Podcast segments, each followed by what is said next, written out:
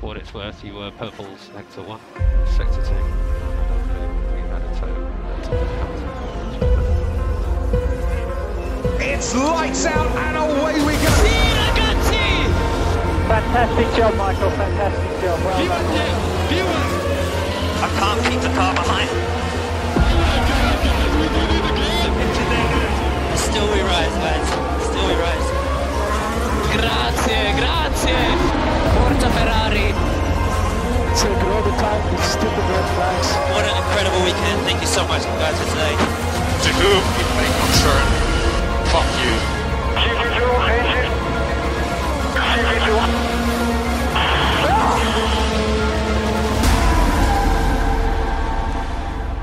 אהלן חברים, ברוכים הבאים לגריד, פרק רביעי. פרק רביעי.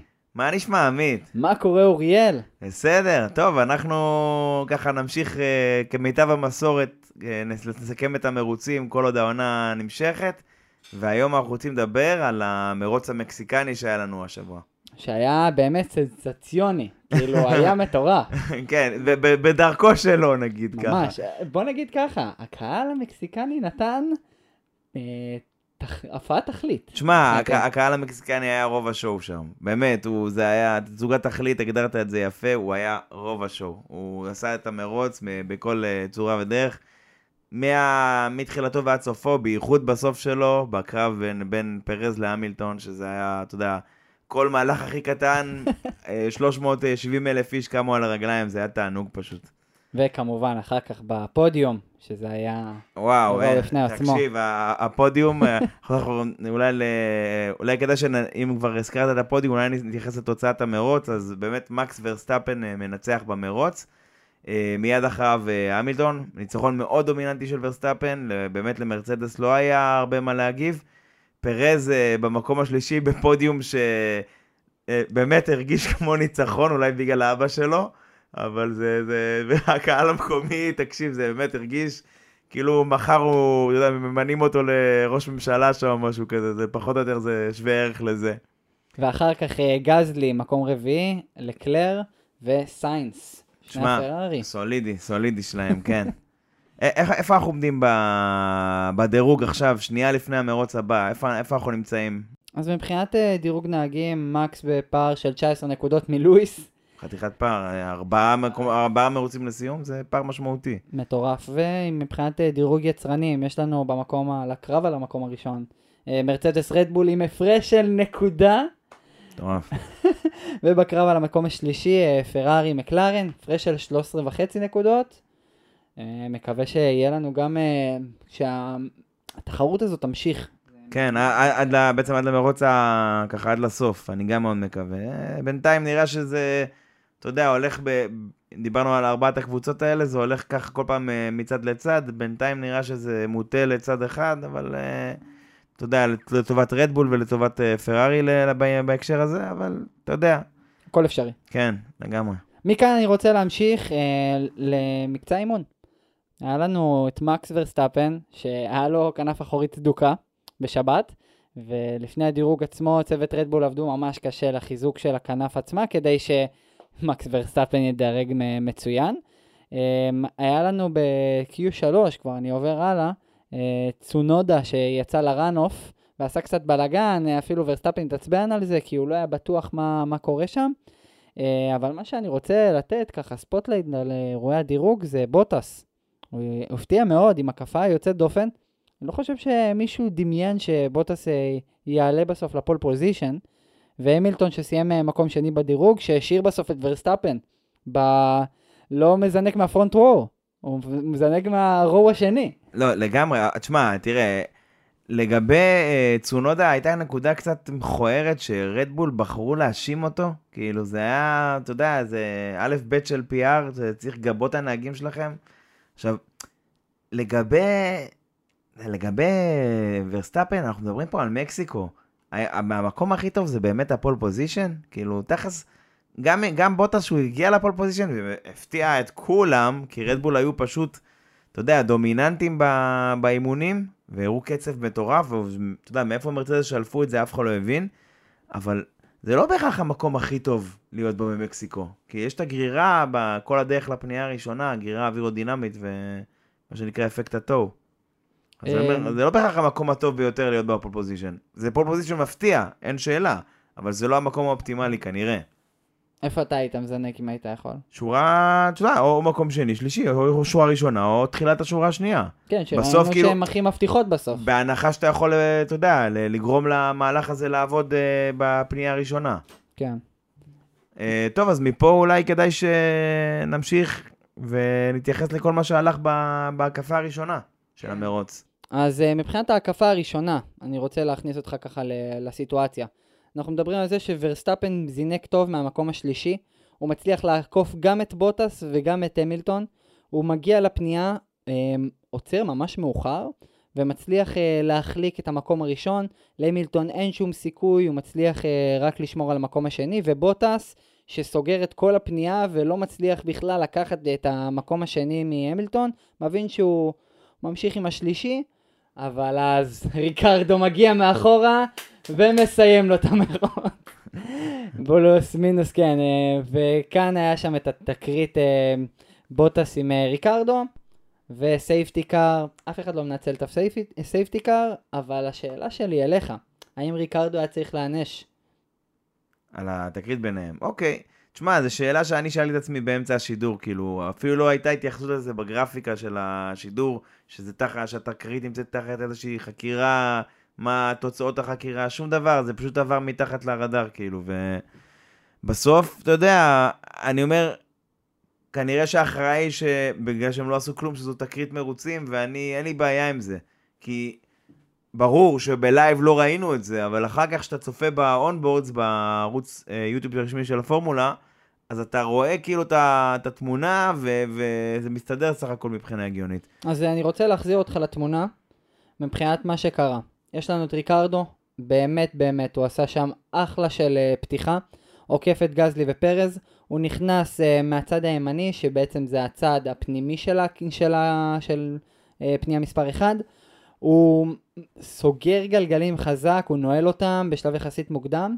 הוא מבין שהוא בצרות, הוא חד משמעית מבין שהוא בצרות, הוא מבין שהוא הולך לצאת מהמסלול בצ- בצורה ישרה, הוא לא יצליח לקחת את הפנייה. זה ככה נראה באונבורד, ומה שקרה זה בדיוק ככה. כאילו, בוטס אה, לוקח את כל הפנייה, סוגר אותו. זהו, בו בזמן, בוטס הרי מגיע, אמרנו, מהחלק החיצוני, אחרי שהוא איבד את צמד המקומות ל... ללואיס ולמקס, והוא פשוט, אתה יודע, לפי ההיגיון, מהחוץ פנימה, רוצה לקחת מהחלק החיצוני לכיוון האייפקס. בדיוק, אבל- וזה בדיוק מה שקרה. ריקרדו מגיע סופר מהירות, בוטס סוגר את כל הפנייה, והתקרית קרתה.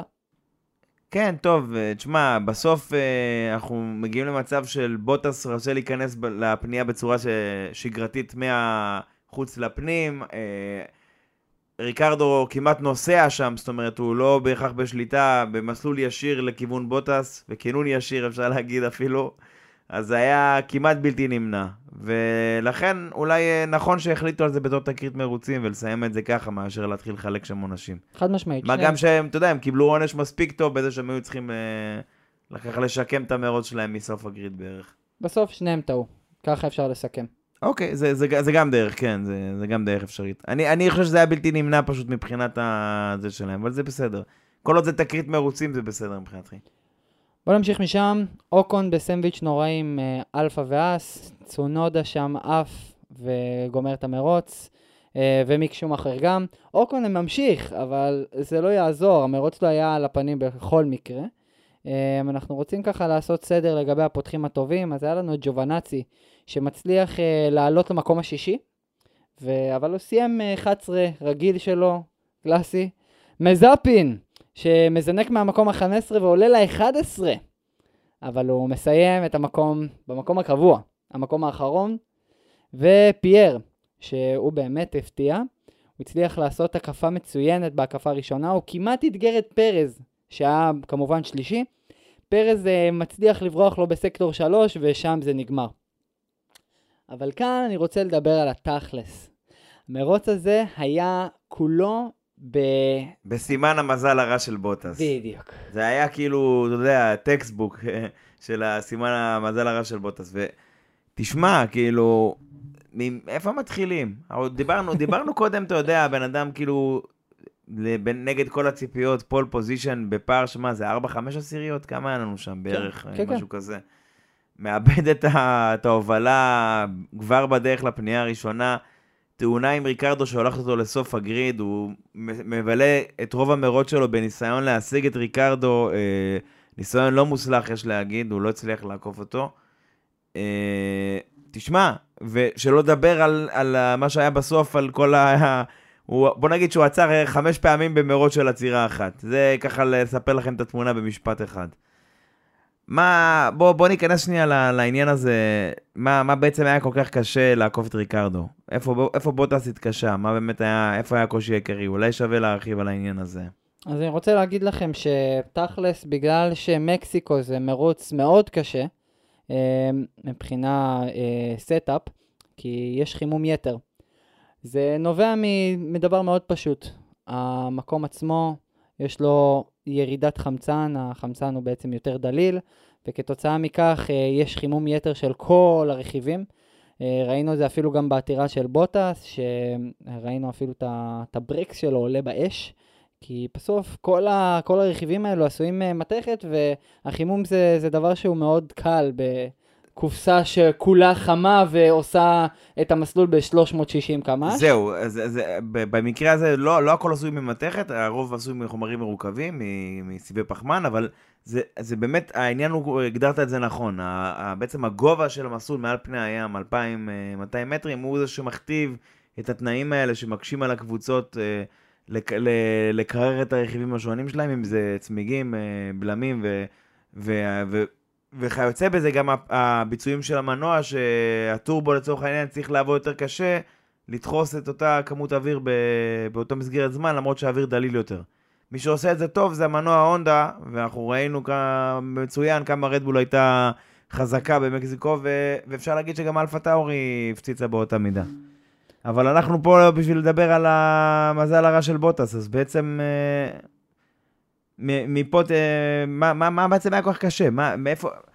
הבנו, הבנו את הקושי העיקרי במקסיקו, אבל איפה זה תופס את בוטס? למה בוטס לא מצליח עם המרצדס שלו לעקוף אה, קבוצה שאומנם יש לה מנוע מרצדס, אבל זה בסוף היא קבוצה יותר חלשה. תזכור, בסוף, אם אנחנו רואים את המסלול, הוא מסלול מאוד קשה לעקיפה. כל פעם צריך, כל פעם שאתה תחשוב שאתה רוצה להגיע לאיזושהי הקפת אה, ליין כזאת, אתה צריך להגיע למצב שאתה, הרכיבים שלך הם במצב וב, או באופטימליות כדי לבצע את העקיפה. ועם כל זה, יש לנו דרטי אר מטורף בסקטור 3, עם כל זה שהאיצטדיון זה נראה מדהים ונחמד, הוא לא מאפשר עקיפה. וזה עוד משהו שבסוף גורם לכל התהליך הזה של העקיפה, או בוטס, בשביל לברוח ולהתקדם קדימה, להיות יותר קשה. זהו, תשמע, אם כבר דרטי אר, זה מניח שזה משהו שהם ינסו לפתור בתקנות של השנה הבאה, שאנחנו גם נתייחס אליהם אולי בפרקים יותר אה, מאוחרים בהרחבה. הלוואי. הלוואי, אם הם יצליחו לעשות את זה, זה ייתן לנו הרבה יותר אה, תחרותיות. אה, בוא נמשיך משם. כניסות לפית. מה אתה יכול להגיד לי על זה? תשמע, בסך הכל אה, היו, היו כמה עצירות ש... ששווה להתייחס אליהן, חלקן קצת יותר השפיעו על תוצאת המרוץ, חלקן קצת פחות. בוא נתחיל, אה, איך לא, עם יקיר המרוץ שלנו, ולטרי בוטס, אה, חתול השחורה. החתול השחור, כן. אה, בסוף הוא עצר, אה, דיברנו על זה בתחילת, ה- בתחילת המרוץ, בעקבות התקרית ריקרדו, והוא עוצר לצמיגי המדיום. עכשיו, המידע הזה, הז- הזמן, הסטינט הזה שה- שבוטס היה על צמיגי המדיום, הוא זה שעזר למרצדס בסופו של דבר לקבל את ההחלטה עם המילטון בהקפה, סדר גודל 30, אני לא זוכר בדיוק, אה, לקחת את אותם הצמיגים.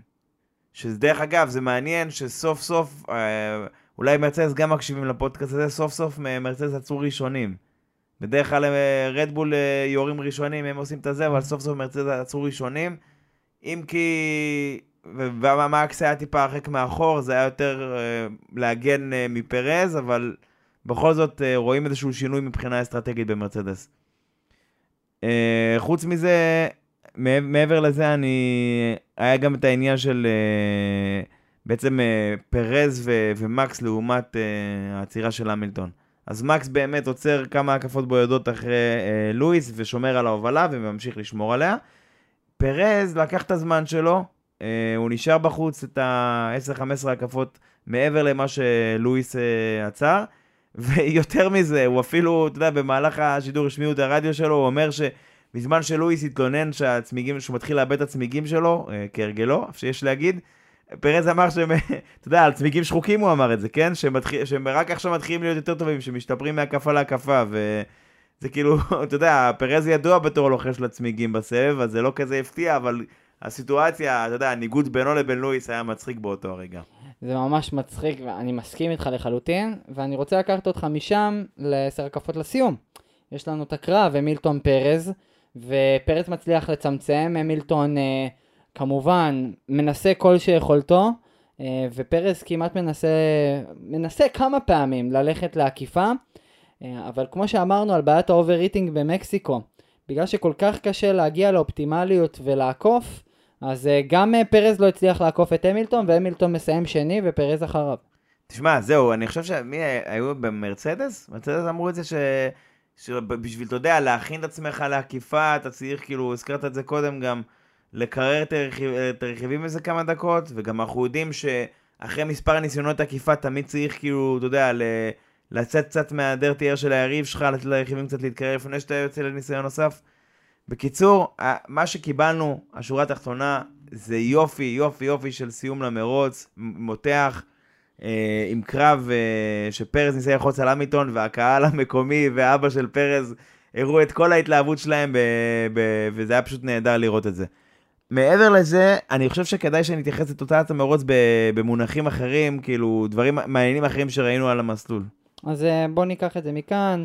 ראסל ניתק לעצמו בטעות את מערכת השנייה, זה משהו שקיבלנו אחר כך, בדיעבד. אה, מצחיק. כן, זה נראה, בטוח שהיה לו קשה. הוא לא יכול לקבל טיפים מפרז אחרי שהוא עשה את זה באוסטין. או קימי. כן. או גם אופציה. נכון, קימי זה, זה, זה, זה, כבר קלאסיקה, כן. אה, פרארי היום מקבלים סוף סוף את המקום השלישי באליפות היצרנית.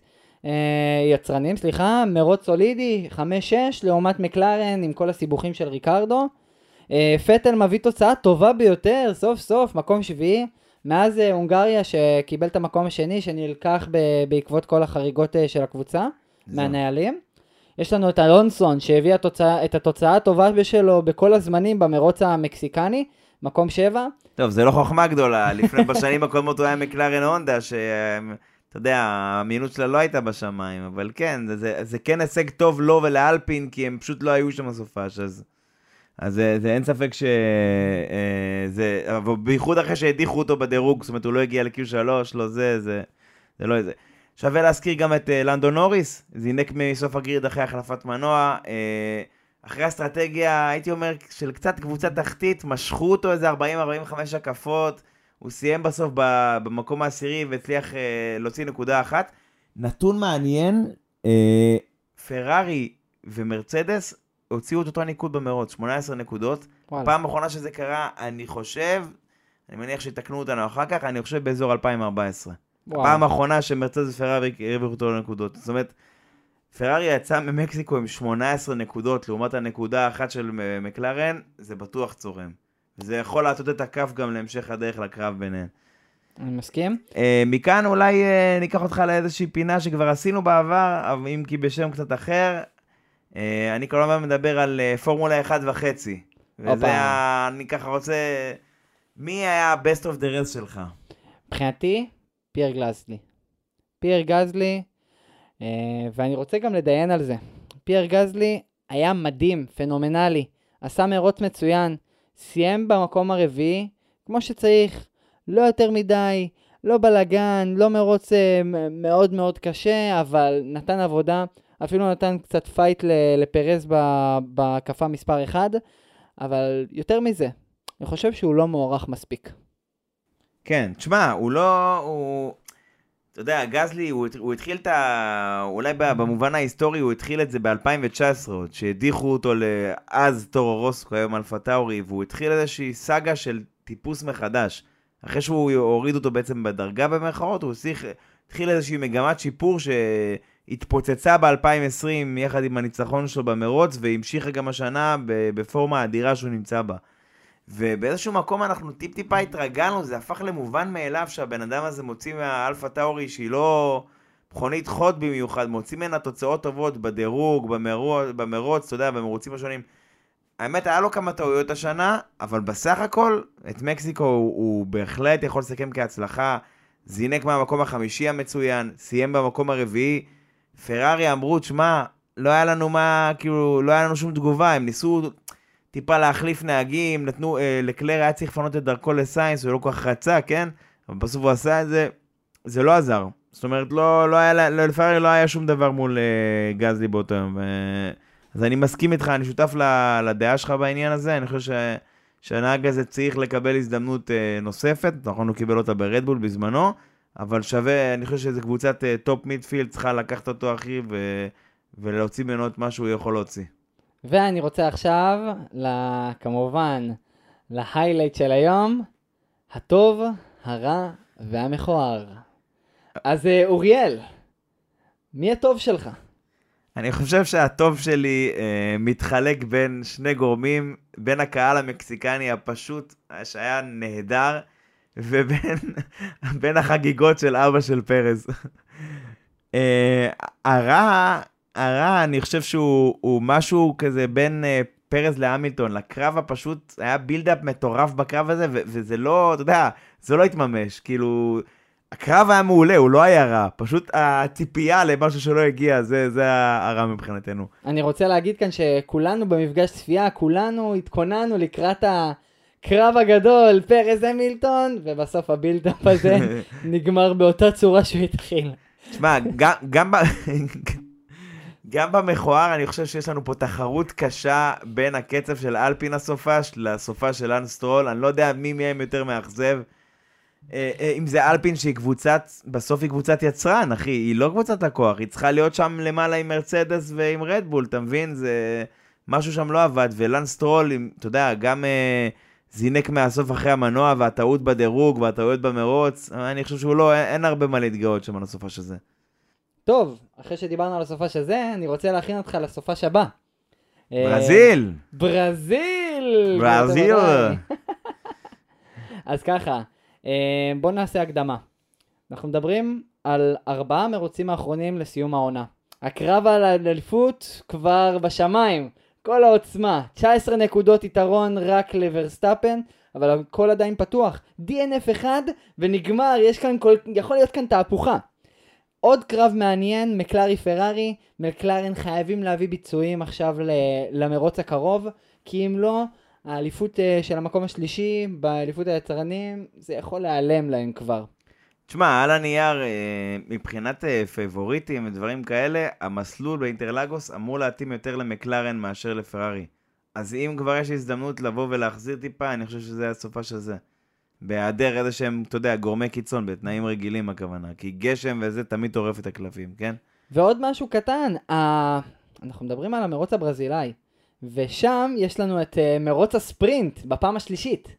בפעם השלישית והאחרונה. אז באמת השנה יש לנו פורמט ניסיוני חדש שנקרא ספרינט. אה, ניסו, ניסו אותו בסילברסטון, במונזה ועכשיו באינטרלגוס בפעם האחרונה. בשנה הבאה הם כבר רוצים לדחוף אותו את ה-7-8 פעמים כבר, לדעתי זה די ויותר, אבל אתה יודע, נחכה ונראה. ככה בקצרה על הספרינט, נסביר את, הפורמט הכי קצר שיש. הדירוג, אה, ביום שישי עצמו יש דירוג, אה, רגיל כמו שאנחנו מכירים. הדירוג הזה הוא קובע את סדר הזינוק לספרינט עצמו שמתקיים ביום שבת.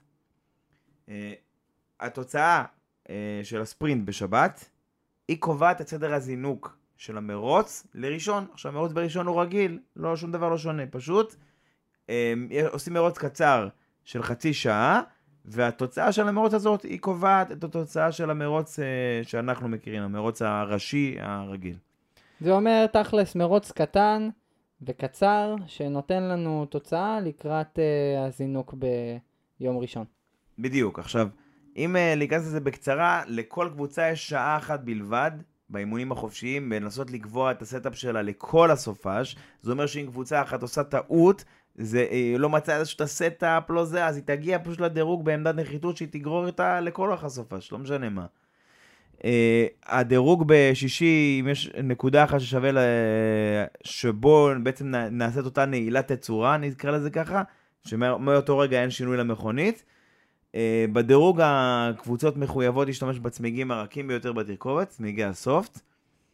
בש... בשבת יש עוד הזדמנות למקצה אימון אה, נוסף, ולפני הספרינט עצמו. הספרינט, כמו שאמרנו, אה, גרסה מקוצרת, במקום 300 קילומטרים, הוא במרחק 100 קילומטרים, זאת אומרת סדר גודל של חצי שעה. אין בו חובת עצירה, וכמו שאמרנו, התוצאה שלו היא תקבע את הסדר הזינוק למרוץ הראשי. אבל מה שאני רוצה להוסיף, שיש ניקוד, גם למרוץ הספרינט. מקום ראשון מקבל שלוש נקודות, שזה מאוד מאוד קריטי בשלבים האלו של אה, ארבעה מרוצים לסוף. אה, מקום שני, שתיים, ומקום שלישי עם נקודה אחת. אה, ומשם אני רוצה לקחת אותך למזג אוויר. כי בסוף ברזיל זה לא איזה מזג אוויר רגיל כמו שאנחנו מכירים, יש לנו תחזית מזג אוויר, אנחנו ככה בטוחים עליה ואנחנו יודעים את הצפי. בברזיל יכול להיות יום שישי גשם זלעפות, ביום שבת יכול להיות שמש, וביום ראשון סופת טורנדו. זו, זה הסדר גודל, אנשים, תבינו. בוא נקווה שלא יהיו טורנדואים, אבל כן, ה- ה- הגשם הוא תמיד בכוננות בברזיל. ו- ו- ומה שיפה בגשם שם, שבגלל הגיאומטריה של המסלול יש הרבה אזורים שיש מים עומדים. ברגע שיש גשר, אז יש מים עומדים. לא מס... מספיק שיהיה גשם קל בשביל להקשות על הנהגים שיצטרכו לקחת קווים אחרים. ו... תשמע, אולי הדוגמה הכי בולטת של זה, זה המרוץ ב-2016, שהיה גשום בטירוף עם דגלים אדומים ושעות של מרוץ. ורסטאפן שם פשוט היה בכיתת אמן שם, אחי, הוא לקח שם קווים של קארטינג ודברים כאלה, ובזמן שאנשים אחרים נאבקו כדי להישאר על המסלול, הוא, אתה יודע, הוא קבע הקפות מהירות עם צמיגי אינטר, הוא פשוט, זה היה מטורף, זה מומלץ לצפות בתקציר, או, או במרוץ המלא, ששידרו אותו במהלך הקורונה שנה שעברה, למי שרוצה. טוב, ומכאן אולי כדאי להמשיך ל... למי, למי שווה לשים לב בסופש הברזילאי שצפוי לנו. אז מה אתה אומר, עמית? אני אתחיל בגסלי. מבחינתי, כמו שאמרנו, היה אחלה של מרוץ במקסיקו, וסיים על הפודיום ב-2019.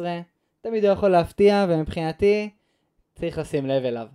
מקלרן, כמובן, תרצה לשקם את כל מה שהיה להם עכשיו במקסיקו, ולכן אני חושב שהיא תבוא מאוד מאוד חמה ודרוכה, כדי גם לצמצם את כל הפער הזה שעכשיו נפתח מפרארי.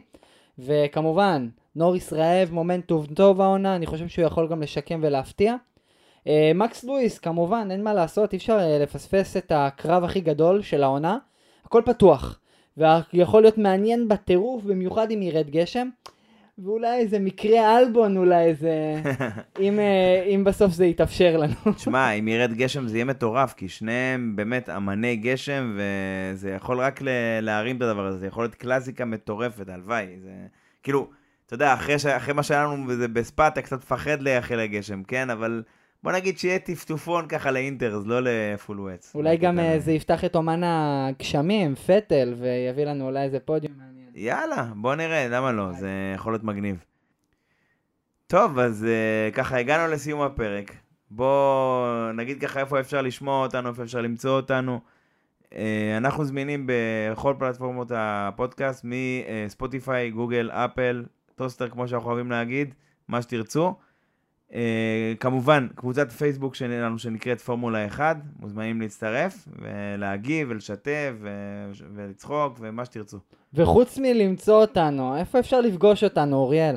איפה אפשר לפגוש אותנו? אה, קודם כל אנחנו עושים המון אירועי צפייה, בייחוד בליגה האמריקאי של הסבב, וגם פגשנו את חלקכם ושמחנו לפגוש את חלקכם גם עכשיו במקסיקו וגם לפני, ואולי גם עכשיו בברזיל באירוע שיהיה. אז אה, מקווים שנהנתם, ונתראה בפרק הבא. לגמרי. יאללה ביי!